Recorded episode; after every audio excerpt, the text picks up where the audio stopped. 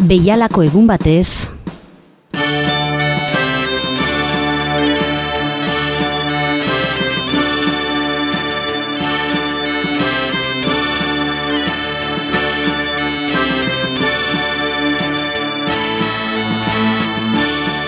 Agur eta ongi etorri Bilbo iria irratiko entzule zaren hori. Datozen minutuetan gure oroimenaren kutsa irekiko dugu eta gure arteko artista, sortzaile, edota egoera eta gertakizun historikoak bilakatuko ditugu protagonista. Satoz eta gera zaitez bada gurekin.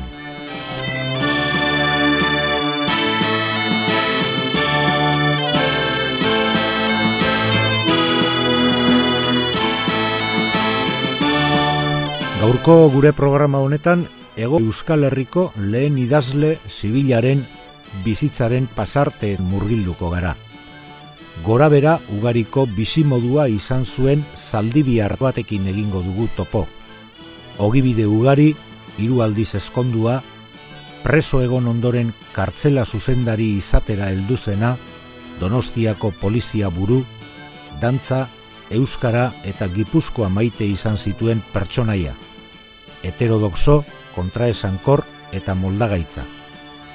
Juanin nazio iztu eta da bera, eta bere aipamenak egitera gatozkizue, gaur bezalako egun batez, mila zazpireun eta irurogeita zazpiko azaroaren hogeita bederatzean alegia jaio baitzen zaldibian.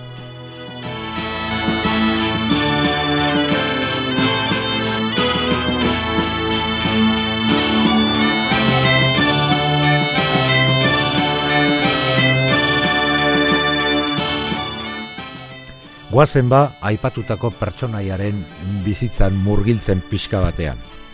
Esan bezala, Juaninazio iztu eta mila zazpireun eta irurogeita zazpiko urtean jaio zen Gipuzkoako zaldibian. Eta jaiotako etxe berean hil zen mila sortzireun eta berrogeita bosteko abuztuan. Etxe berean jaio eta hil izanak ordea, ez du adierazi nahi bizitza labain eta aldagaitza izan zuenik aitzitik iztuetak bizimodu nekeza eta arazoz betea eukizuen. Bizitza astoragarria izan zuen esan legez. Bere aita Josep Iztueta laskaokoa zen eta ordiziakoa berriz Maria Inazia, bere ama. Amabi zenideko bosgarren aurra izan zen Juan Inazio. Ez dakigu ezarraskorik Juan Inazioren aurtzaro eta gaztaroaz eta bere bizitzako lehen urrats nagusia, mila zazpireun eta larogeita amargarren urtean eman zuen, urnietako lizueingo Maria Joakinarekin eskontzean.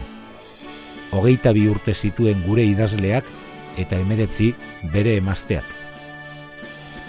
Tradizioak dioenez, txuri ez izenaz ezagutzen zuten bere herrian, eta soinez oso handia espazen ere, oso begi argiak omen zituen, eta azkar nabarmendu zen bere adineko beste gazteen artean.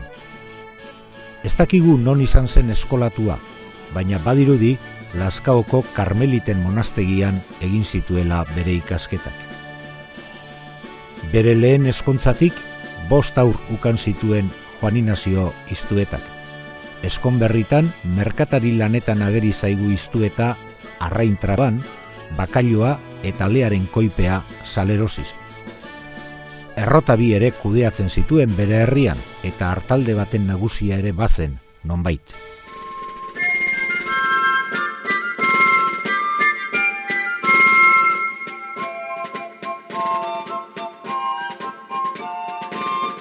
Esan dugun moduan, Juan Inazio iztuetak etzuen bizitza lasaia izan ordea, bere lehen urteak zaldibian iragan bazituen ere, laster ikusten dugu mila istiluetan nahasia, eta legearekin hainbat kasutan kontrajarria.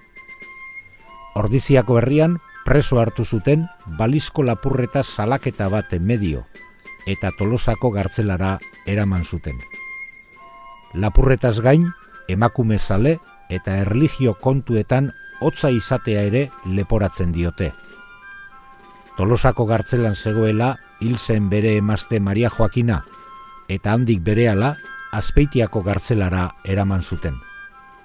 Han, azpeitian, Maria Concepción bengoetxea, kontxesi, ezagutu zuen. Zeina aur baten erailkuntzaren kausaz espetxean zegoen. Azpeitiko kartzelatik, inkizizioak logroinok zuen eskuko kartzelara eraman zuten, bere pentsakerar gauzaz. Logroinoko espetxean idatziko ditu iztuetak kontxesiri buruzko bertso sutsuenak, eta alaber, bere burua zuritzeko, balioko zioten zenbait bertso elizkoi ere.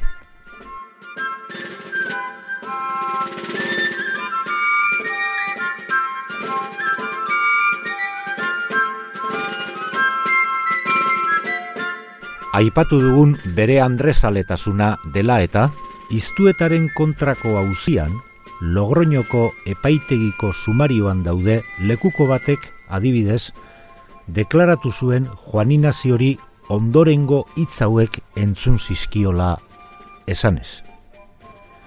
Él dormía en un desván de su casa y su mujer en un cuarto bajo, y que ésta podía hacer libremente lo que le gustase con cualquier otro de que se alegraría, pues él haría lo mismo con cualquiera que se le franquease en cualquier parte, pues para ello era libre, y que para ejecutar acciones de lusuria de nadie le daba cuidado alguno.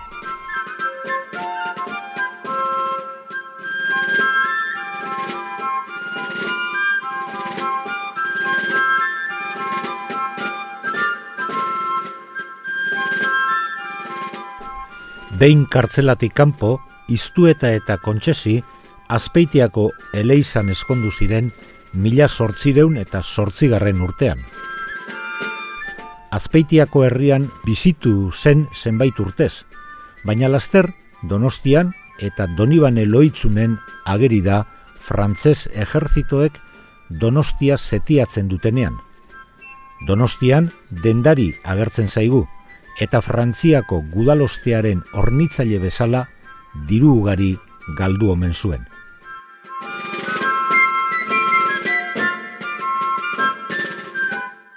kontsesirekiko eskontzak etzuen luzaro iraun. Zeren mila sortzireun eta amabosgarren urtean hil zen berau, hogeita amabi urte zituela. Amabi urtez alargun jardun zuen iztuetak, baina mila sortzireun eta hogeita sortzigarren urtean, Maria Ascension urrozolarekin eskondu zen Donostiako San Bizente Elizan. Zenargaiak, iztuetak alegia, irurogei urte zituen, eta Andregai gazteak berriz, hogei.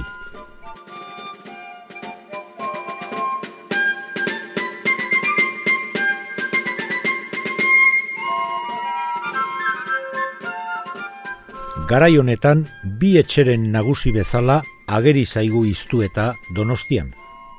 Hainbat ezagupide eginak ditu probintziako agintari eta jende nagusien artean. Aspaldidanik iztu eta folklore lanetan zaletua dabil, eta gipuzkoako dantzak izeneko lan garrantzitsua urte hauetan gauzatzen du.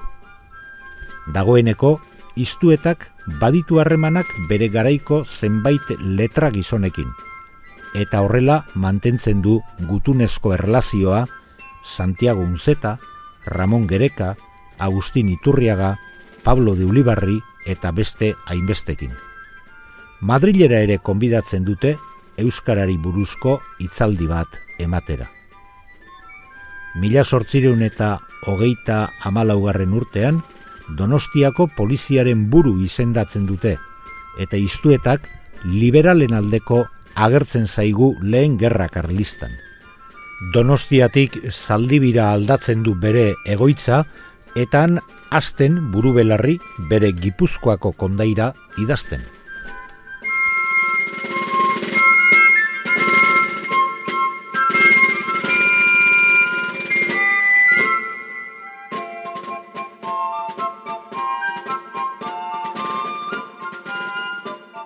Goazen ondoren bi hitze esatera iztu eta zenaren obrari buruz.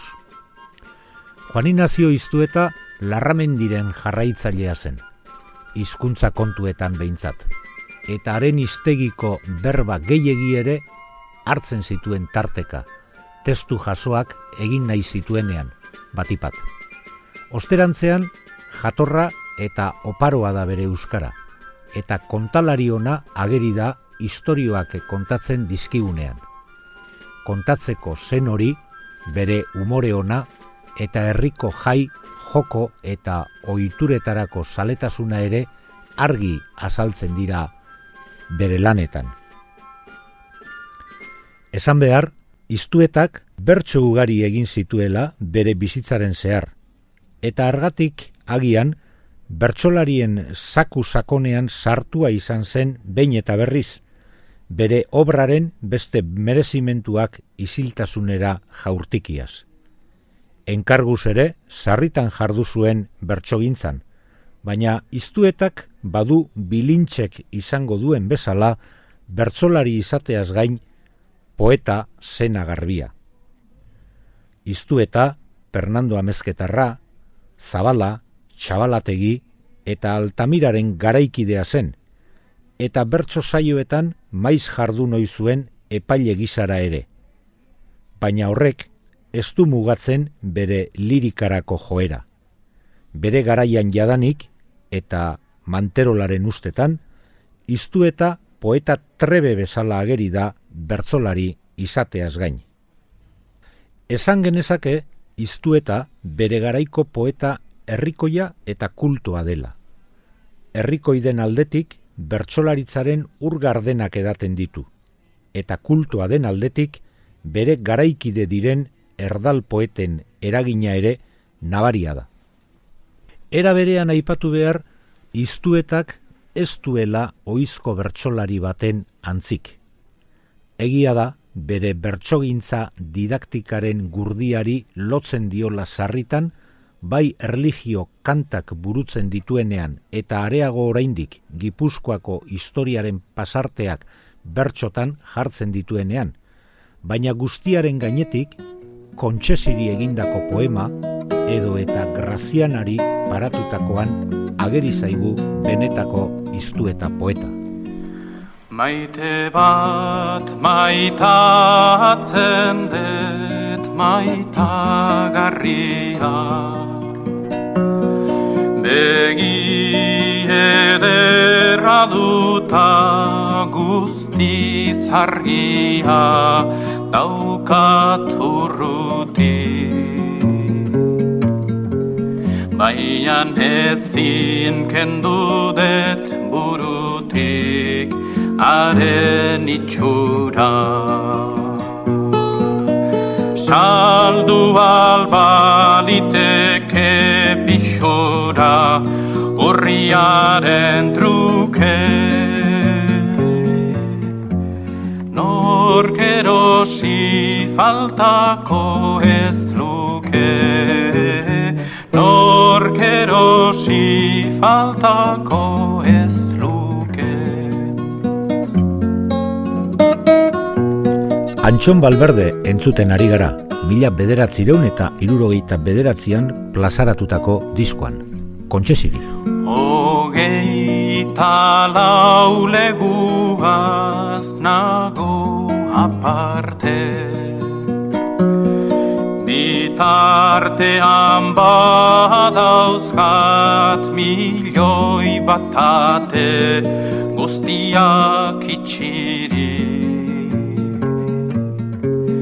nahi harren ezin egon isilik beti negarrez. Nere maite maite haren galdez, ote dan bizi. Bihotz, bihotz, nereko kontxesi, bihotz bihotz nereko kontxesi.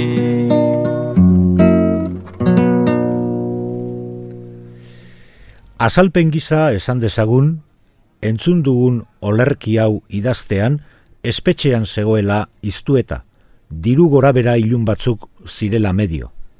Bertan zegoen preso kontxesi ere, iztuetaren bigarren emaztea izango zena, abortoak egin zituen lakoan. Egoeraren gogorrak barkagarri egiten du poemaren gaiegizko estia, gozoaren gozoz, ia irrigarri bihurtuko litzatekeena bestela.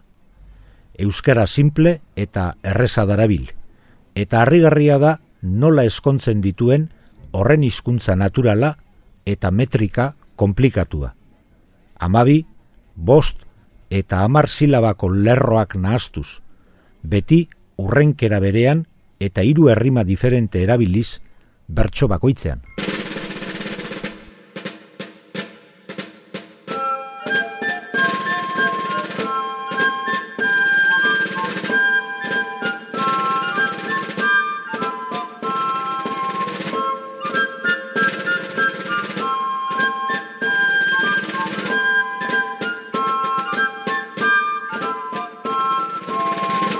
Aurrera segitze aldera, e, goazen iztuetaren beste lan aipagarri batekin. Esan behar gure zaldibiarrak Euskal folklorearen lehenengo bilketa lana egin izanaren ohorea duela. Mila sortzireun eta hogeita lauan argitaratutako Gipuzkoako dantza gogoangarrien kondaira edo historia izenburudun liburuari esker. Edo nola ere, batek ez daki, ura bezalako pertsona baten aurrean dagoenean zein den haren benetako obra. Idatzita utzi zituenen multzoa ala haren bizitzarekin egin zuena. Izan ere, literaturarekin zerikusia duten gaiak alde batera utzita, esan dugun bezala, iztuetak bizitza azarotsua izan baitzuen oso.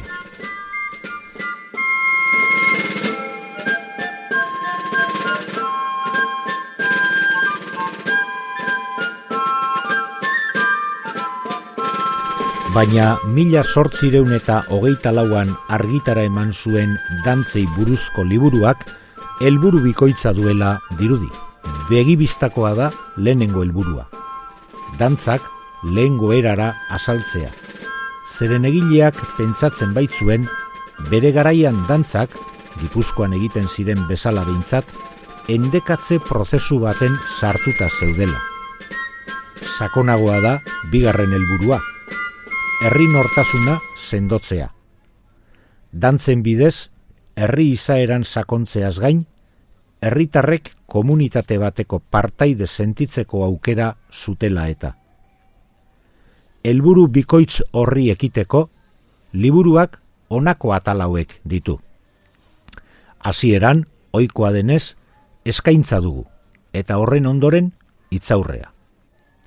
Lehenengo atalean, eskolagabeko danbolindarien moduak goraipatuta, Euskal Dantzak lehen goerara biurrarazi naia asaltzen du egileak. Bigarren atalean, Gipuzkoako dantzen orduko egoeraren deskribapena agertzen da. Lehenengo atalean dantzen jatorrizko forma goraipatzen bazuen egileak, honetan zera deitoratzen du zer nolako endekatze prozesuan sarturik dauden dantzak. Eta hirugarren atalean, hainbat dantzaren deskribapen zehatza egiten du iztuetak. Eta baita dantzen irakaskuntzarako oharrak eskaini ere. Horrez gainera, hainbat jokos eta jolasez ere hitz egiten du idazleak.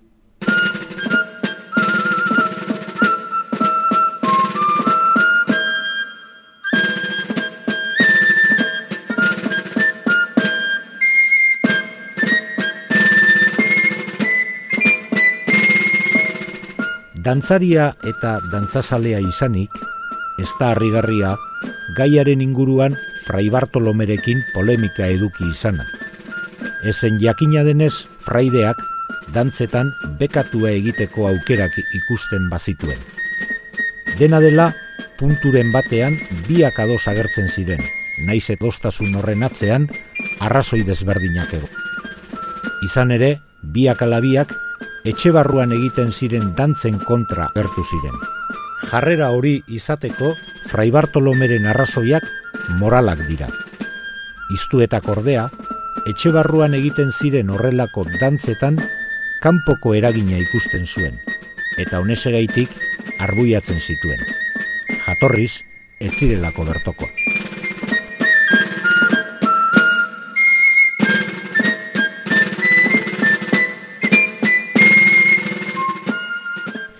Iztuetaren idazkera definitzean, askotan erabiltzen den hitza erretoriko da. Perpaus luze eta konplexuak erabiltzeko joera zuen egileak, eta horrek behin baino gehiagotan zaildu egiten du haren testuak ongi ulertzea. Arreta bereziaz jarri behar du irakurleak, eta batzuetan bi aldiz irakurtzera behartuta egoten da, perpausaren aria errezgal baitaiteke. Bestalde, horri gaineratu egin behar zaio, iztuetak gustoko zuela larramendiren iztegian agertzen ziren hitz berriak erabiltzea. Batzuetan, hitz berriaren ondoan, ohiko forma azaltzen zaigu, edo batez lotuta. Esate baterako. Done godartari edo santu patroien egunetan bezalako esamoldeak irakur ditzakegu iztuetaren liburuan. Erretorikarako eta larramendiren iztegirako joera dena dela, nabarmenagoa da iztuetaren testua jatorriz erdaraz dagoen beste testu baten egokitzapena denean. Dantzak egiteko azalpen zehatzak eman behar dituenean ordea, joera horiek alde batera usten dituela dirudi. Testuaren helburutik behinena ulertua izatea baita. Kasu horretan, iztuetak ez du inolako ostoporik gaztelerazko hitzak erabiltzeko. Larramendiren iztegian ager litezkeenak alde batera utzita. Adibidez, hau irakur dezakegu, dantzaren hasierako soinua nola dantzatu behar dan irakastea deritzon atalean liburuaren hirugarren zatian lendabiziko sei konpasetan egin behar ditu.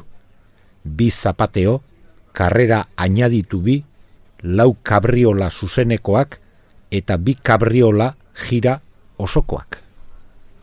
Edonola ere eta bukatzeko, liburuaren hirugarren zati horretan eskaintzen dituen azalpenetan, hain izan nahi du zehatza eta argia, esen hainbeste azalpen ematen dituenez batzuetan, kontrako efektua lortzen duen.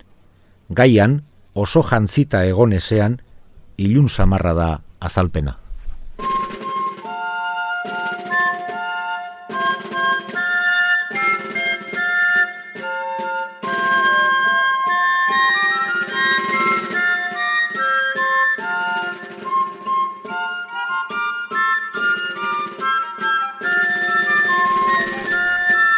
Juan Inazio iztueta bere sorterrian, zaldibian, alegia, hil zen. Mila sortzireun eta berrogeta bos garreneko abustuaren emezortzian, irurogeita amazazpi urte zituelarik.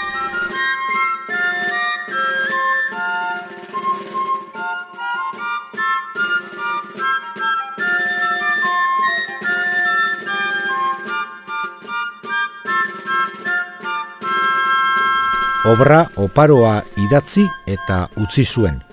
Baina ez da argaitik euskaldunen artean ezaguna eta preziatua. Iztu eta historiagile, etnografo eta poeta izan zen, bertzolari izateaz gain. Baina esan daiteke zaldibiako idazlea oarkabean iragandela euskal literaturaren historiatik.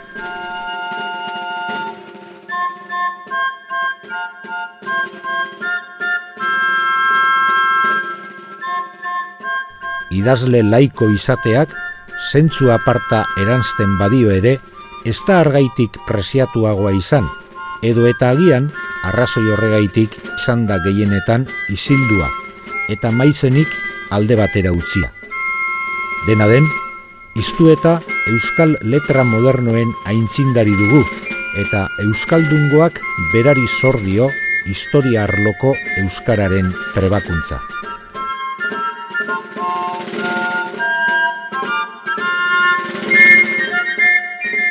Amasei garren gizaldian hoien artek latinez idatzi zuen Euskal Herriko historia eta iztuetak aldiz Euskara zeratu zuen berreun urte geroago, Gipuzkoako historia, dantzen inguruko kondaira eta zenbait bertso eta olerki.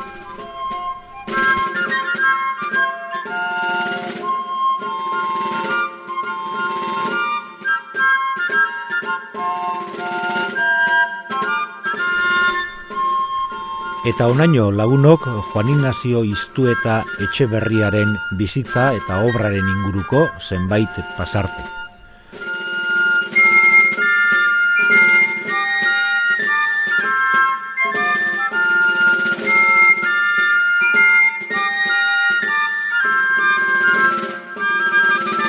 Eta zuk entzule, badakizu lekutxo bat aukazula gure oroimenaren inguruko programa honetan. Mila esker jarri duzun arretagaitik ondo izan eta urrengo baterar.